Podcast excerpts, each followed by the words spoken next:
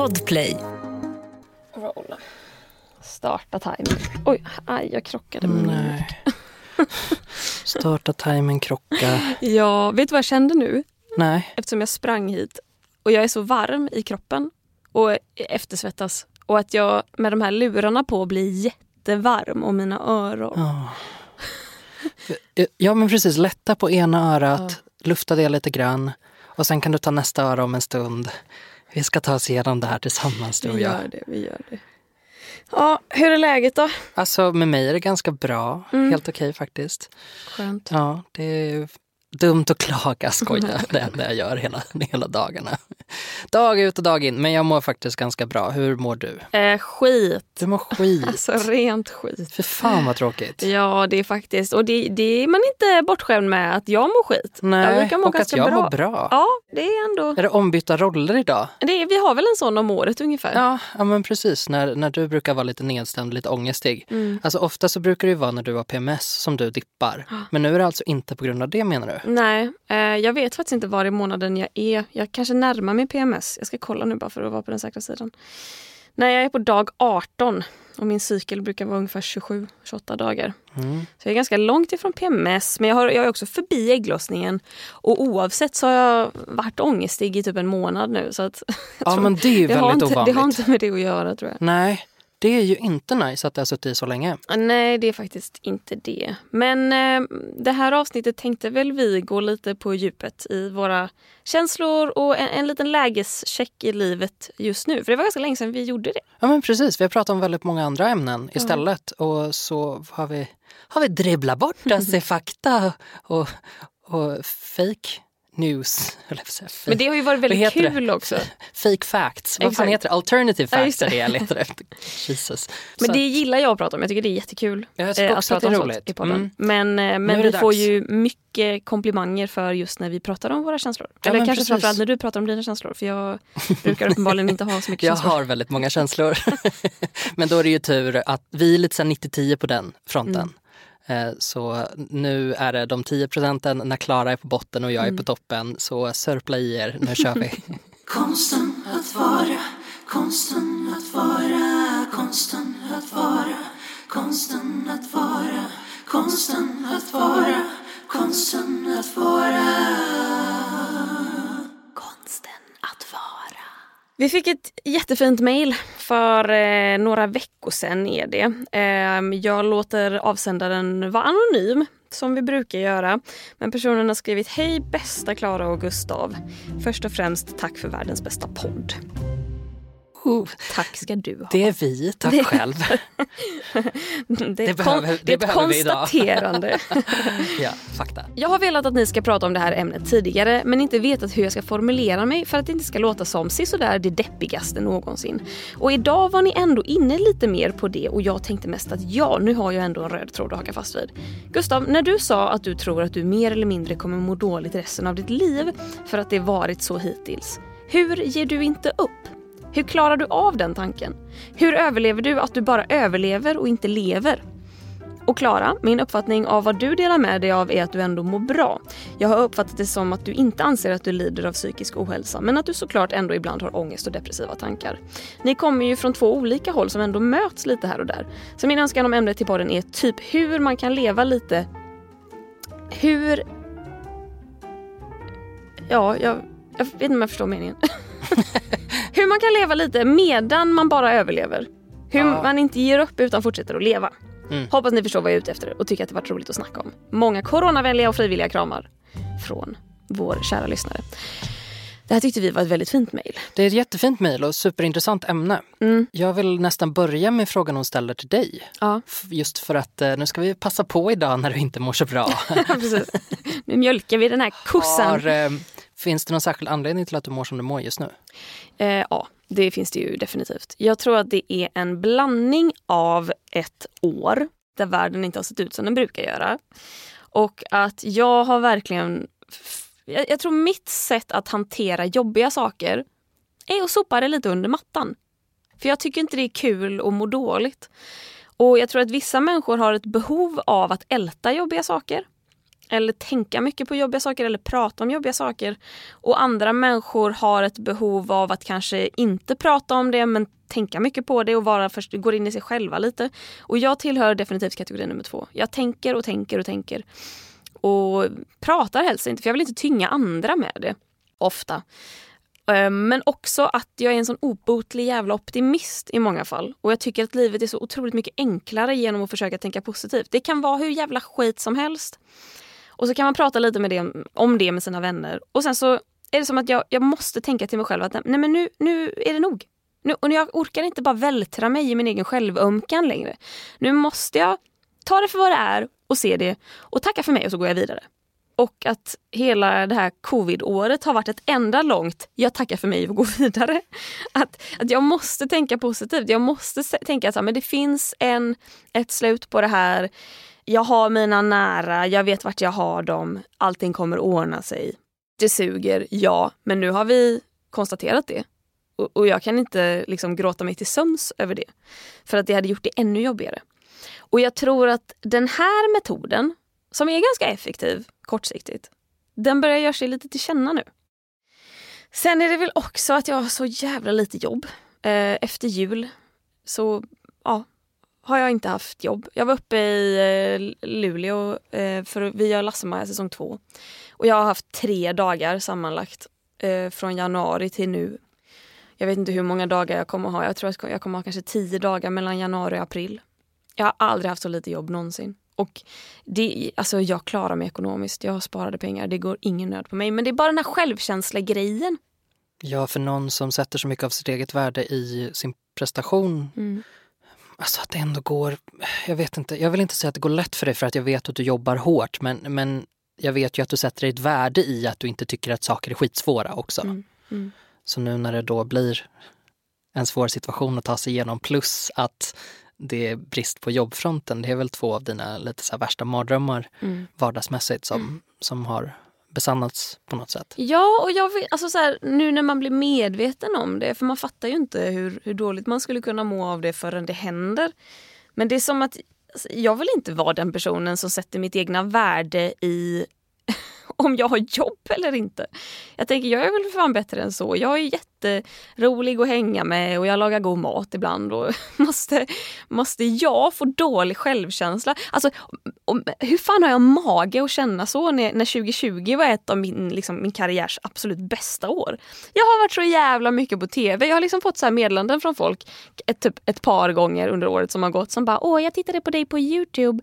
Eh, jag undrade vart du tog vägen men nu råkade jag hitta dig på Instagram. Var har du varit? Man bara har du, titt- har du liksom har du Äger du slagit en på TV? en enda kanal det senaste året? I'm everywhere. och det är liksom inte här, Robinson, varit där. Bäst i test, varit där. åkte Vasaloppet. Åkte Bäst- Vasaloppet, eller, eh, träningsprogrammet. Du klarar mer än du tror. Ja. Du Vem kan vara. Lasse-Maja? Nej men det är som att så här, och, och, och, och hade det varit för två år sedan hade jag aldrig vågat säga en sån grej. Jag, är jätte, jag tycker verkligen att alla människor som inte är ödmjuka i sitt kändisskap är odrägliga. Och för mig är det jätteviktigt att bara, jag fattar att alla inte vet vem jag är. Det är helt jävla orimligt att alla skulle veta vem jag är.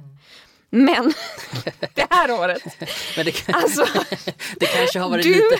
har bott i en liten, jag vet inte, tändsticksask. Det är, är kanske också lite svårare att känna så för att alltså en sån utgångspunkt när man kan vara så pass generös och ödmjuk i sig själv. Jag tänker ändå att det tyder på att det mesta är okej i ens liv. Liksom, när Ja. man kan vara så. Ja. Men nu när det kanske slår av lite mer nerv, för oavsett om du fattar rent logiskt att ah, det är corona som gör att jag inte har lika mycket jobb, så slår det väl ändå an någon slags sträng som är såhär, gud tänk om jag inte är lika relevant längre. Och så kommer Absolut. någon och bara så här, var har du varit? Man bara, överallt. här är mitt absolut, CV. jag måste hävda mig. Det är Ja, men det, det, ja, eller alltså, jag tänker typ att det inte är så konstigt. Jag tänker att det är Nej. ganska naturligt. Det är väl bara att du har alltid suttit i en sån situation där du egentligen inte har behövt göra det tidigare. För att det har varit så himla självklart för att du har haft liksom dina plattformar och du har, vet, alltså, du har vetat vad du håller på med. Det blev fel mening. Men så här, du har ju gjort saker som har varit ovana på den senaste tiden. På ett sätt som det inte var när du gjorde Youtube. Då visste du ju exakt liksom. Och nu jag hade typ, mer kontroll själv i Ja, alla fall. men precis. jag vet inte, jag spin, spinner vidare liksom i Jag tror huvudet. du, att det, du har någonting. mm. Och jag tror också att eh, alltså det här har ju varit min största skräck sen jag var 19. vilket är åtta år sedan, att jag en dag skulle bli inaktuell. Alltså det har varit den här oundvikliga katastrofen. Som liksom att så här, ja, vi alla kommer dö av miljön. Typ i mitt, I mitt lilla obetydliga liv så är det att jag kommer, en vacker dag kommer jag oundvikligen att bli inaktuell. Så att det är bara att njuta och rida på den här vågen medan det går. Medan jag fortfarande får frågan från SVT om jag vill leda program. Medan jag fortfarande får frågan av TV4 om jag vill skådespela i deras serier. Ja tack, ge mig de där jävla jobben. För att det är en sån otroligt ytlig värld och bara det är ju nog för att ge en liksom magsår. Och att jag har gått och nojat och tänkt och sen när man inte längre var störst på Youtube, för jag var ju största videobloggaren i Norden ganska många år. Och sen så gick liksom Therese Lindgren gick om och hon var nog den första som gick om och sen så var det många som liksom kom efter och att jag trodde att det skulle vara att det skulle vara en sån chock på något sätt. Att jag skulle drabbas av någon eh, existentiell, Existentiell kris. kris. Jag Ja. tänkte precis det. Ja. Men, men jag gjorde inte det. Alltså det, det funkade ändå. Men nu är det som att nu kommer allt sånt. Det som inte kom 2000, vad det nu var, 15 när jag inte längre var störst. Det kommer nu. För, det, för jag har gått en månad utan jobb och jag ser ingen gryning. Ehm, men sen är det ju också, jag blev ju av med ett jobb. Jag vet inte, är det oproffsigt att prata om jobb man inte har man inte har gjort, som man skulle gjort? Nej, det tror jag, Jag väl inte. Eller det, vadå? va? Så att, att du blev av med ett kontrakt då? Ja, eller så här. Den korta historien är ju att jag fick ju frågan att vara med i Över Atlanten. Mm. Och tackade ja för jag tänkte att fy fan vilken häftig grej. Det finns ingen tvekan i min kropp, jag vill jättegärna. Och eh, allt var klart. Och, och jag var en av de medverkande. Men sen behövde de flytta på produktionen och då krockade det med Lasse-Maja. Och Lasse-Maja hade redan ändrat sina datum för att anpassa sig efter den här produktionen. Och de kunde inte ändra dem en gång till. Och då blev det att jag, jag, jag var tvungen att tacka nej till det. Och, och shit vad det gjorde mig ledsen. Alltså på riktigt ledsen. Och inte för att det var liksom så här mitt livs dröm eller någonting sånt utan bara att lilla tryggheten i att ha ett jobb, lilla tryggheten i att bara kunna komma bort från Sverige. Göra något annat. Ha tv-grejer på gång. Alltså bara en liten trygghet i karriären typ. Mm. Och så typ tas det ifrån en på något sätt som man inte har någon kontroll över. Som ingen har kontroll över egentligen. Nej. Jag tänker att det som är det jobbiga med, med hela covid-pandemin är att det är så chockartat. Man har inte kunnat kontrollera det här överhuvudtaget utan man har bara fått massa konsekvenser av någonting som, som inte går att stoppa. Och ibland tror jag nästan att det kan vara svårare att hantera att, ja men så här, ponera då, nu har ju du jobb så att det handlar ju inte om det egentligen, men ponera att du hade börjat liksom märka att det chanserade lite av sig självt liksom och det var inte på grund av en pandemi utan det var kanske på grund av att ja, men någon annan kom eller liksom, ja, det, det går ju liksom i vågor det där. Jag undrar om det kanske hade varit, kunnat vara lättare för att då, hade, då finns det inget så här, åh, tänk om. Nej. Nu är det ju hela det här att hela det här året har varit ett enda stort tänk om. Ehm, Jag tror det. Jag tror verkligen det. och osäkerhet är ju en sån himla obehaglig känsla. Det är ju det vi hatar allihopa. Att så här, vi vet inte vad som händer härnäst. Och det är det ofrivilliga. Alltså på något sätt. Jag, jag har ju, som jag sa, jag har, varit, jag har varit redo i nio år att min karriär kommer ta slut. att jag kommer bli inaktuell. Och hade det, hade det bara varit att det kom någon som var yngre och coolare och roligare och, och man hade fasats ut, ja men den so be it. Men nu är det det här ofrivilliga. Att det är inte ens, det är, inte- det är inte att någon annan har kommit och tagit min plats och det är inte att, ja, eller det hoppas jag i alla fall inte, att kanalerna inte vill jobba med mig längre. Utan det är ju det här att ingen, ingen har jobb. Eh, att det är svårt för alla. Fyller du 27 i år eller 26? 27. 27. Ja, det var mitt värsta år. Var det det? Ja. Åldersnojemässigt? Det här är också bara spekulation, men det finns ju dels en myt om att du är 27 Club. Att Ja, alla man artister dör. dör, när de Ja. är 27 liksom. Och att, eh, och att det tillsammans med det är ett av de jobbigaste åren att ta sig igenom för att man blir vuxen på ett annat sätt. Mm. Så att konsekvenstänket, det där, ja du har väl förstått i teorin att någon dag kanske din stjärna dalar Mm. men du kanske inte har känt tyngden av det på det sättet som när man helt plötsligt är 27 och, och har liksom ett, ett fullt utvecklat konsekvenstänk och allt vad det kan innebära. Det, vad det hade inneburit för dig om du var 22 och bara så här, nu är du inte störst på Youtube längre. Det är en annan sak än vad det innebär för dig när du är 27 nu. För jag tror det här med trygghet, att man blir liksom mycket mer bekväm på ett sätt att man, man vill inte. Du vill ju inte bli av med din lägenhet, du vill ju inte bli av med ditt jobb. Du vill ju inte liksom bli av med de här grejerna. På ett... Nej, det är en ålder där man ska ha sin skit Ja men precis, exakt. Ja. Och jag vet, vi pratade om det när jag var hemma hos dig och Albin på middag Mm. för någon vecka sedan. Och jag och Albin pratade om hur vi båda har upplevt att så här, man har varit yngst och att folk har bara "Ah, Är du så ung och du har hunnit med så mycket? Eller du är så duktig på det du gör och du är så Visst. ung. Och att man alltid har varit yngst på sin arbetsplats. Ja. Att alla andra har varit 20 25, 26, 27 och man själv var friska 20. exakt. Droppade omkring och trodde man visste vad man gjorde. Och nu är liksom hälften av alla man jobbar med yngre än en. Mm. Och, och eh, att ingen är längre imponerad över att man kan saker. Nej, och för någon vars sämsta nivå är hög. Alltså så här, att det- det här med att ett, ett MVG är standardnivån liksom. Mm. Det blir så himla brutalt då om man har varit 20 och liksom så alla har varit bara default imponerade av en. För så här, men gud, är du 20 och klarar av det här liksom? Då blir fallet så mycket, så mycket större sen när, när det inte är så längre.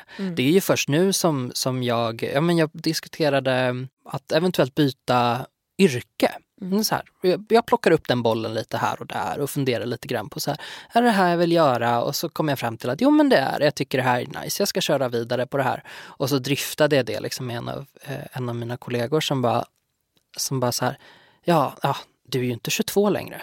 Mm. Och jag så här, nej, nej, okej. Okej, så nu har jag, inte- har, jag inte, har inte jag möjligheten längre? Alltså, och du vet, det bara slog mig så himla, så himla hårt att så här, okej, men tidigare, du vet, då har jag varit på ett jobb i kanske två år och sen har jag bytt jobb och det har inte varit några problem att få ett annat jobb. Och sen nu då man bara... Men vadå, är det ett problem när man blir äldre? Att det ser dåligt ut på CVt? Eller vad är vad Nej, men mer så här att om jag skulle byta yrke där jag liksom har en, en, en väl utstakad väg nu och många års erfarenhet och liksom Mm. mycket, mycket kompetens på mitt område. Om jag byter yrke nu så hamnar jag ju Du får börja om. Ja men precis. Ja. Och det är ju dels mer attraktivt för en själv kanske. Om man är liksom 22 för att man Mm. har inte så mycket referensramar. Liksom, medan jag är så här, jag vet vad en bra arbetsplats är, jag vet vad en bra lön är, jag vet vad, vad, vad jag kan kräva och inte. Liksom. Um, ja, men så det, det bara slog mig väldigt, väldigt hårt då. Jag har återhämtat mig sedan dess som tur är. men men det, blev, det blev mörkt där ett tag. Men och, som jag ska svara på eh, frågan i mejlet vi fick så tycker jag ju att eh, uppfattningen som våra läsare beskriver eh, om mig och mitt mående, den stämmer ju väldigt väl. Jag tycker ju inte att jag lider av psykisk ohälsa men jag har ju absolut ångest och depressiva tankar. Och det har verkligen varit en pissemånad. ehm, eller, eller två pissemånader kanske till och med. Beror på när man börjar räkna. men, men, eh, och, och man kan ju mejla hejatkonstenattvara.se om man vill ha kontakt med oss. Eller eh, ha. Det är lätt som att vi ska börja brevväxla. Det kommer vi inte ställa upp på. men, det kommer vi inte göra. tyvärr.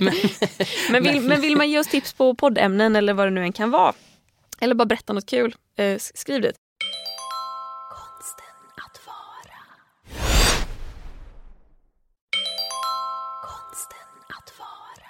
Men ehm, personen frågar ju också eh, Gustav din liksom taktik när Mm. det kommer till Mm. ditt mående. Hur gör du för att inte ge upp? Alltså hur, hur, hur klarar du av tanken på att du förmodligen alltid kommer att må dåligt? Det är ju ett rent mirakel faktiskt. Ehm, och jag tror att, jag tror så här, jag har alltid någonstans i mig trott att sättet jag mår på är normalt. Så att jag har alltid tänkt att så här, det här är ett, ett grundläge, det här är bara så jag är. Um, och den insikten kommer med två sidor liksom. Å ena sidan kan det ge mig lugn som jag känner nu att jag säger, ja men jag vet att jag kommer få battla det här. Jag vet att det kommer gå upp och ner. Jag förstår att jag måste vara liksom förberedd på, på dippar. Men tidigare så har jag accepterat det lite för mycket. Så du pratar om att vältra sig till exempel. Det har jag gjort väldigt mycket tidigare. Um, vältrat mig i hur jag mår och sett hur jag mår som att det inte går att göra någonting åt på något sätt. Jag tror att jag har om, omformulerat meningen i mitt huvud till att det går att göra någonting åt men det kommer aldrig försvinna. Om, om man förstår liksom skillnaden mellan uppgivenhet och hopp har liksom skiftat mer åt, åt hopphållet nu. Liksom. Eh, för att saken är ju den att man ska inte må så dåligt som jag har gjort och absolut inte så länge som jag har gjort för att det har varit en del av min problematik. Liksom, att det har gått, det har hållit på så himla många år. Och jag tror att det är bara jävla envishet och att jag ändå har levt på mina, mina toppar jättelänge. Eh, Eh, och stått ut med lite för mycket egentligen så här i efterhand. Liksom, att så här, ah, shit, jag hade inte behövt spendera tio år med det här. Men samtidigt så är det ju det som har gjort att jag faktiskt har börjat förändra hur jag beter mig. För att tidigare så har jag varit så himla övertygad om att hur jag mår är så himla beroende av saker som har hänt mig. Och det har styrt mig jätte, jätte, jättemycket. Att så här, jag får må så här dåligt för att det här har hänt mig. Mm. Ehm, och skillnaden som jag känner i mig nu är att så här, ja absolut, det hände skit när jag var liten och det blev jag ledsen av. Och sen så, men det riktigt sorgliga var ju när det började förändra hur jag, hur jag var. Liksom. Och det har jag ju någonstans ändå gjort mot mig själv. Liksom. Fine att det började av en anledning, liksom, men jag har låtit det fortsätta väldigt länge. Men vad är det, alltså bara så att jag ska förstå eh, dig rätt. Mm. Du, du, du säger att du, det har fått pågå för länge. Eh, men samtidigt säger du att du tror att du alltid kommer må så här. Ja, men det, det, det är inte det som är grejen. Jag tror inte att jag alltid kommer att må så här. Nej. För det, jag ska försöka hitta någon så här, beskriva den hårfina skillnaden. Liksom att jag förstår att jag i någon utsträckning alltid kommer få hantera såna här perioder. Ehm, Jag är fast jävla besluten om att de inte kan vara så djupa som de har varit tidigare. Tidigare så accepterade jag på ett liksom, du vet, så här uppoffrande sätt att jag sa det kommer alltid vara så här så då behöver inte jag anstränga mig för att det kommer ändå inte bli bättre och det kommer vara så här. Och, och jag blev mobbad när jag var liten och därför kommer jag alltid tycka att det är jobbigt med de här grejerna.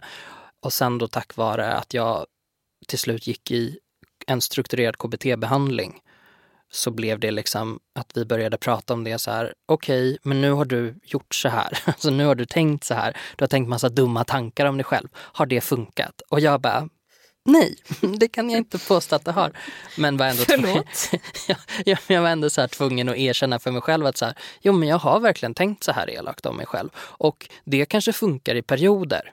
Alltså så att ja, men man kan vara hård mot sig själv i perioder men om man är hård mot sig själv i 10 år, alltså 30 år till och med, liksom, då, då blir det inte så himla bra. Så att jag tror att nej, jag accepterar inte att jag ska må dåligt hela livet. Men jag förstår att jag kommer liksom behöva kontinuerlig hjälp och, och så. Jag tror ju till exempel att jag har börjat på antidepressiva eh, nu igen. Liksom. Och det är första gången som jag gjort det i samband med att gå i terapi. Och skillnaden jag upplever är som att jag är en ny människa igen. Liksom. Att jag är så här, men gud vad enkelt det är att ta sig igenom en dag. Oh my god. Nej men du vet att saker händer och jag bara, ja men det löser sig liksom. Och folk har varit så här, de bara, gud du är så fnittrig. Jag bara, ja jag tror typ att jag är det när jag mår bra egentligen.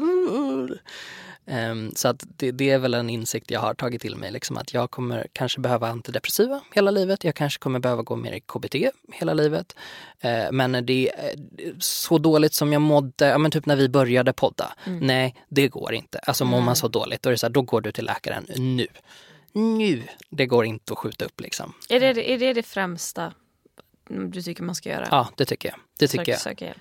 Sök hjälp och hjälpen är inte utformad för att hjälpa dig i första hand. Hjälpen är utformad för att det ska gå fort. Det är så vårt sjukvårdssystem ser ut just nu. Och, och det kan vara krångligt ibland. Liksom. Man kan vara förberedd på att så här, det här kan bli trixigt för mig att försöka få igenom. För att, ja, men jag vet inte, jag gick in och läste mina journalanteckningar någon gång Eh, och, och såg att, att de så här, han eh, ha, håller god ögonkontakt och han är med och han är liksom, han är klar i huvudet och verkar inte må så dåligt. Typ. Och jag bara, fast det gör jag ju. Det är ju bara att, Det är att svårt jag... att se på ditt... Liksom. Ja, på mig din syns det inte. Nej, men jag tror ju att det syns, men det syns ju inte på Mm. mig. Och- så fattade jag liksom att så här, jaha, okej.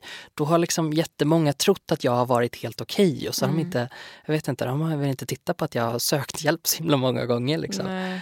Eh, Så ja, jag tycker Vad definitivt... frustrerande. Ja, Jag men det är jättefrustrerande. Jag, jag, jag, jag, jag har varit jätteförbannad. Och det är ehm, svårt ibland att inte bli bitter över att det har pågått så länge. För att det, det tycker jag bara är onödigt. Jag fattar så här, okej, fine, jag, jag har alltid mått så här liksom. Eh, men så här länge hade det inte behövt pågå på det här sättet. Liksom. Jag tror att man hade kunnat bespara mig en del. Liksom. Men samtidigt så är det ju det som har lett fram till den jag är idag, etc. etc. Så att det är säkert lugnt ändå. Men, men eh, jag tror så här, det är jättesvårt att känna den peppen liksom, när man mår på, på botten. Det är det vare sig du är liksom psykiskt sjuk på riktigt alla mig eller psykiskt sjuk eller psykiskt påverkad som du är just nu. Liksom. Eh, det går typ inte att vara peppad. Eh, det är jättesvårt att ställa de kraven på en. Liksom. Och det är lite det som tillhör sjukdomsbilden och det är det som gör det så himla svårt att, att göra något åt också. Men, eh, men kontentan är väl att du ska inte må dåligt. Alltså Mm. så här, en längre period. Gör du det, då behöver du hjälp i sådana fall. Verkligen.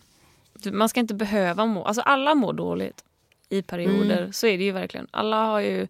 Det är så jävla mänskligt att ha ångest. Och jag, Ja. känner, jag känner väl lite att så här, ja, jag har mått skit nu i en och en halv månad. Men det är ingenting jag liksom vill söka hjälp för. För att jag tror det handlar mer om det som pågår i liv. Eller det handlar ju mer om vad som pågår i mitt liv just nu snarare än Ja, alltså, jag vet inte ens vad det är som utlöser ångest hos deprimerade människor. Hormoner, jag vet inte vad det är. Elektroder i hjärnan som inte funkar som de ska. Serotoninupptagarna Ja. som, Ah, inte, som inte funkar. Det är det som är det vanligaste eh, antidepressiva medlet i alla fall. Som Just är här serotonin Mm.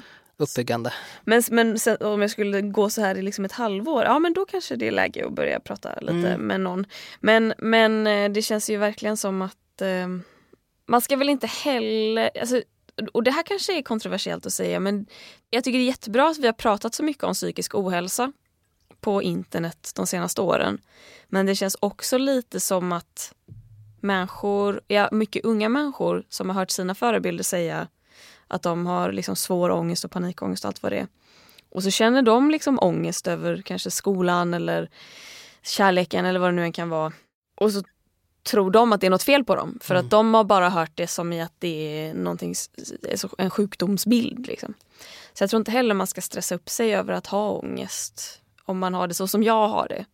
Nej, Utan precis. där kan man, där, alltså, man tar sig igenom det och man kan väl Exakt. Alltså det är väl det jag känner att så här, det, det, det, det behöver inte vara en, eller det är inget fel att ha ångest. Men sen kan det ju vara fel i längden. Att, då, Ja. att det kanske är faktiskt någonting du, man behöver hjälp med. Men där tycker jag ju att, att där blir det så spännande att prata med, med dig för att du är i grunden en sund människa. Och jag tycker, för mig då som tidigare har sökt mig till väldigt mycket kulturellt material, om man ska säga podcasts Mm. och filmer och, och så.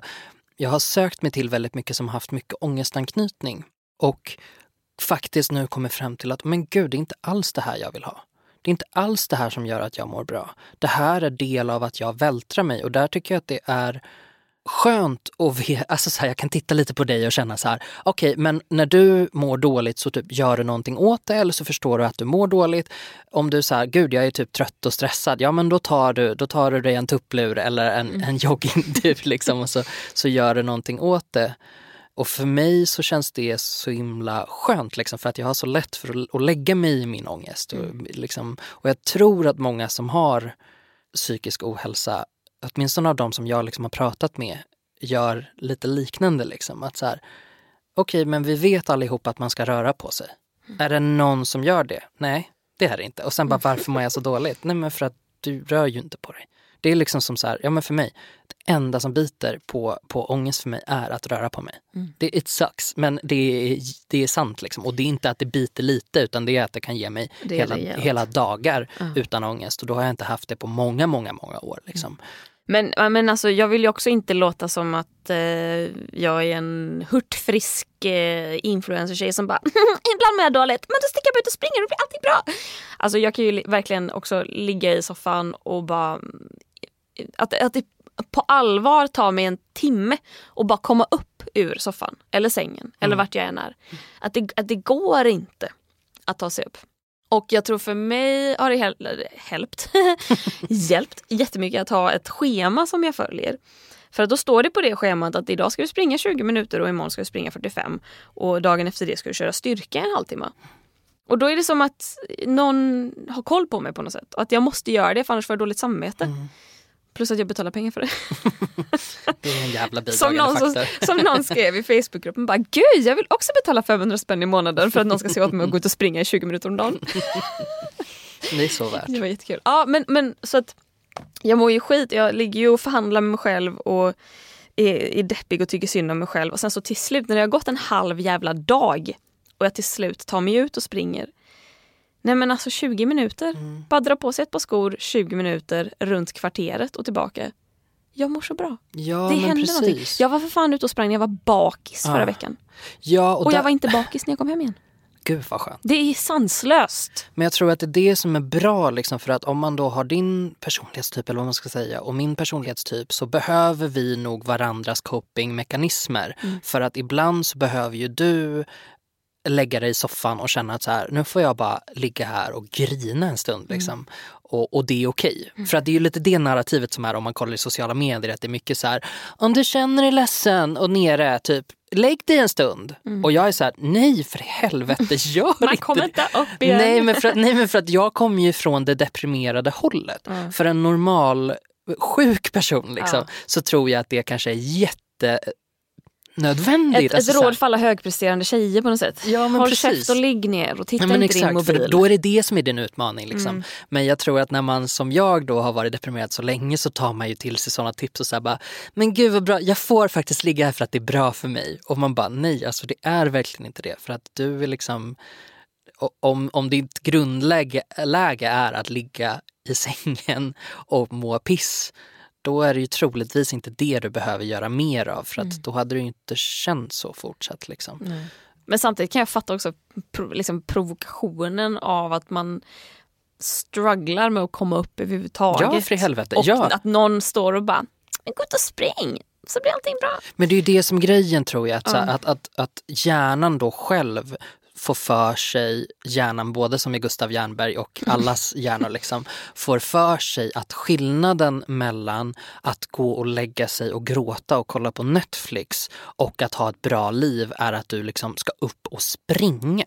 Det är inte det som är poängen. Poängen är ju att du ska inte ligga där och gråta. Alltså så här, du ska göra någonting annat men vi går liksom upp i 150 knyck och bara så här, ja då är det dags att börja på en vegansk diet du då och så ska jag väl ut och ta det där halvmaran. Alltså att man, då sätter man så jävla mycket press på sig när ens utmaning när man är i det stadiet kanske handlar mer om så här, men som jag gjorde i början av, av min resa.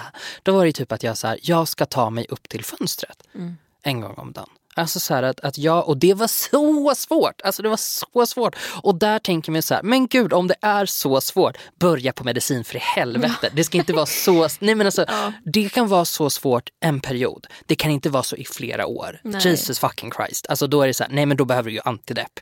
Alltså så här, om du tycker att det är jobbigt att ta dig ur sängen en stund, ja, du är människa. Det känns så ibland.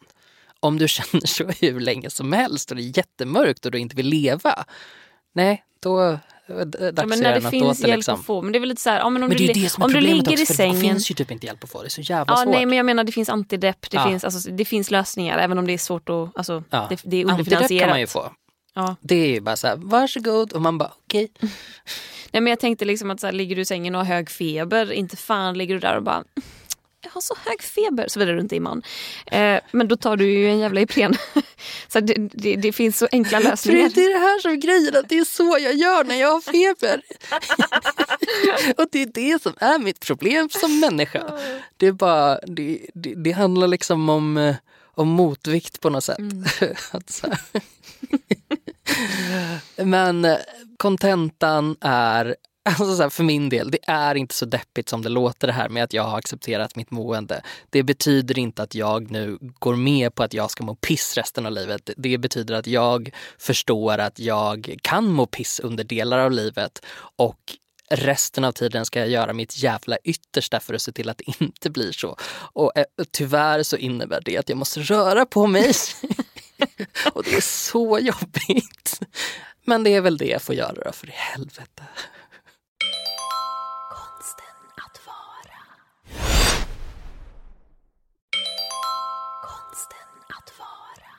Har du ett moment of the week? Jag har ett moment of the week Ja. och jag har faktiskt glömt att säga det. Så att det är lite så här, det är inte dagsfärskt. Men jag måste ändå säga det. Mm, Okej. Mm, det är så här va, att jag eh, tycker ju om att köpa möbler.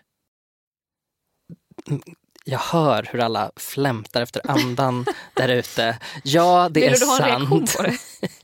Klara plockade upp sin mobil och började skriva någonting. Nej, jag kom på ett jättebra moment of the week. Jag Ah, måste bara okej, skriva okej, ner det okej, innan jag glömmer bort det. Mm, Okej. Nej men så jag budade hem en byrå på Bukowskis. Och, Och det ska ni veta, det är fina grejer. och nu vet inte jag hur många. grejer. Jag tror inte Bukowskis finns i, det finns bara i Stockholm, eller? Nej, det finns i Malmö också, och Helsingfors. och Okej, det, mm. jag hade helt fel. Ja. Eh, det kändes väldigt stockholmskt. Ja, och det är ju väldigt... Östermalm. Det är, det är ju en anrik eh, auktionsfirma. Mm. Och bara har- ordet anrik känns ju väldigt stockholmskt. Ja, jag skulle aldrig bry mig om någonting som inte har en jävla pedigree. Eh, inte ens en jävla hemsida. Pedigree, jag vet inte ens vad det är. Jag tror att det är hundmat. Ursprung liksom. Ja men pedigree betyder att man har, man har stamtavla. Ah, ja, Mm. just det. Så det är därför hundar, alltså så. Mm. Mm. Hundar och möbler. Ja, exakt. Ja, jag har då köpt mig en byrå. Och mitt moment of the week är när jag och min kompis Helen åkte till Bukowskis utlämningslokaler i Hägersten en bit utanför Stockholm. Eh, alltså det är i Stockholm, men utanför tullarna. Eh, och hade dels världens mysigaste stund med henne för att eh, due to coronavirus så fick vi liksom inte stå inne och vänta. Det här var en av de dagarna när det var liksom så här minus 30 ute.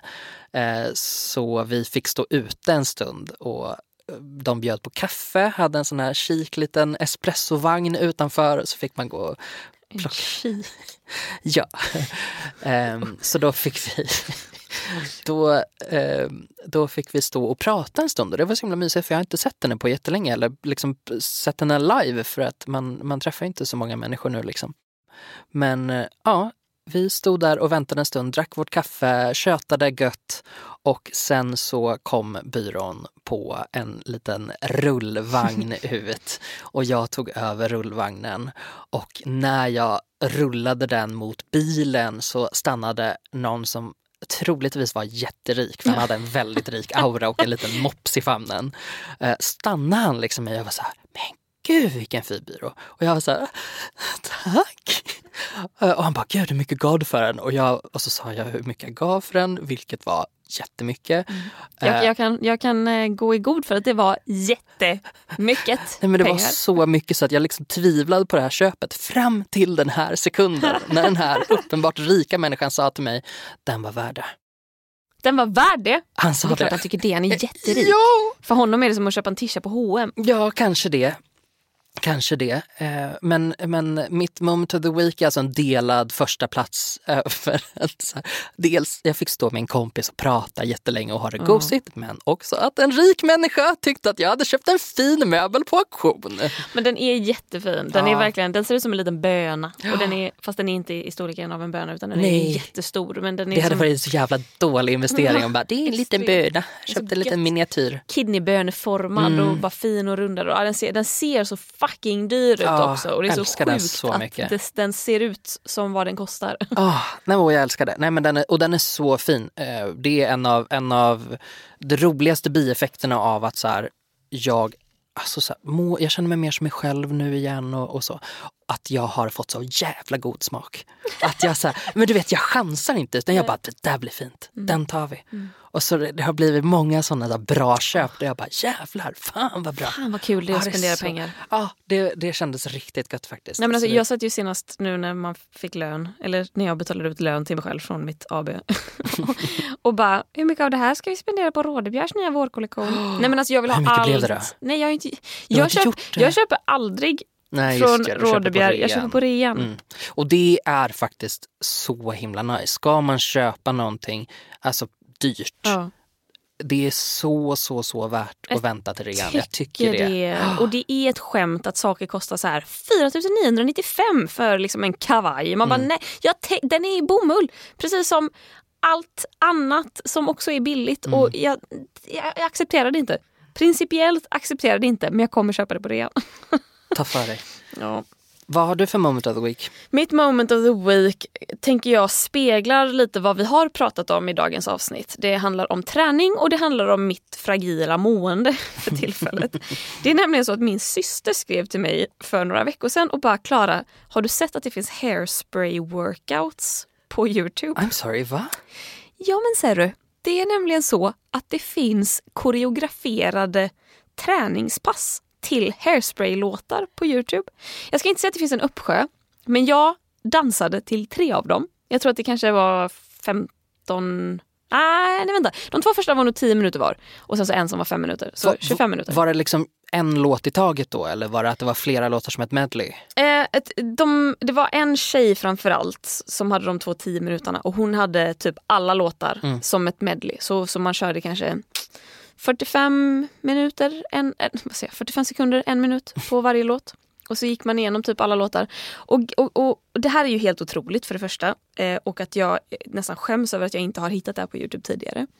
Sen var det också helt fantastiskt för att det är så enkla danssteg. Jag som inte kan koreografi om så mitt liv hängde på det kunde ändå hänga med.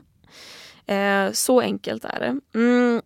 Men sen är det ju också någonting som jag insåg och det är ju den här finallåten i Hairspray. Eh, You, can, stop, the beat. Mm. Det är någonting där mot slutet eh, när eh, Nicky Blonsky och eh, Zac Efron kysser varann. Mm.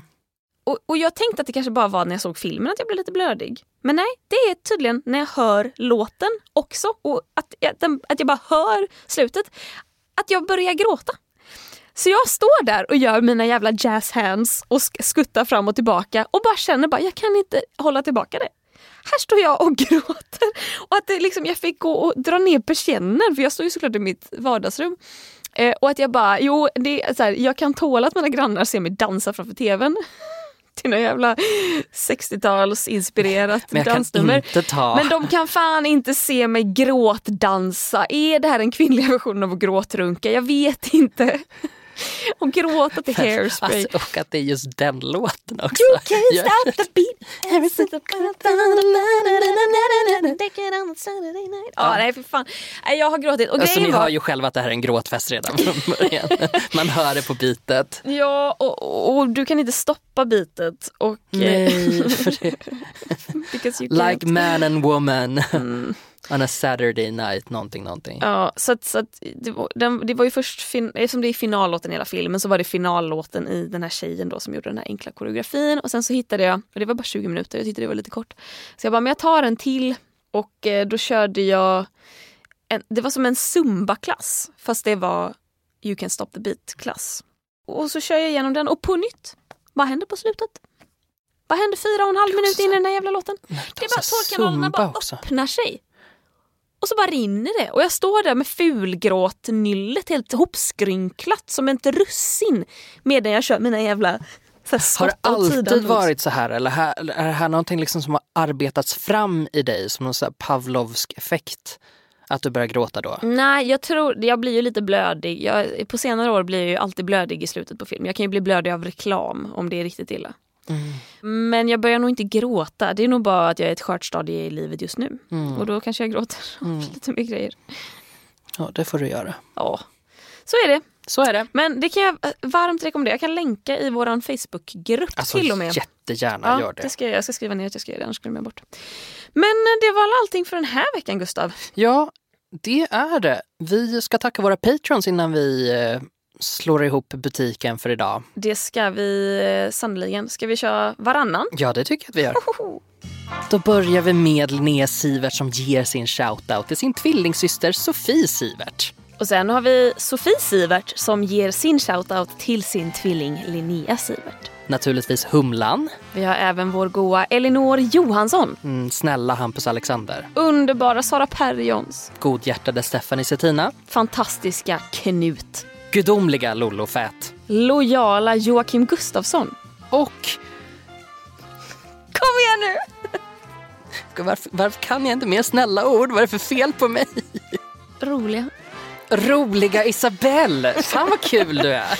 Åh, tack ska ni ha! Ja, tack så jättemycket. Mm. Och tack även till alla andra som ger oss pengar på Patreon som möjliggör att vi kan sitta i en jättetoppen-studio som vi älskar. Ja, det Vi är helt, helt fantastiskt faktiskt. Mm. Men eh, med det sagt så, så säger vi väl tack till everybody. Yes!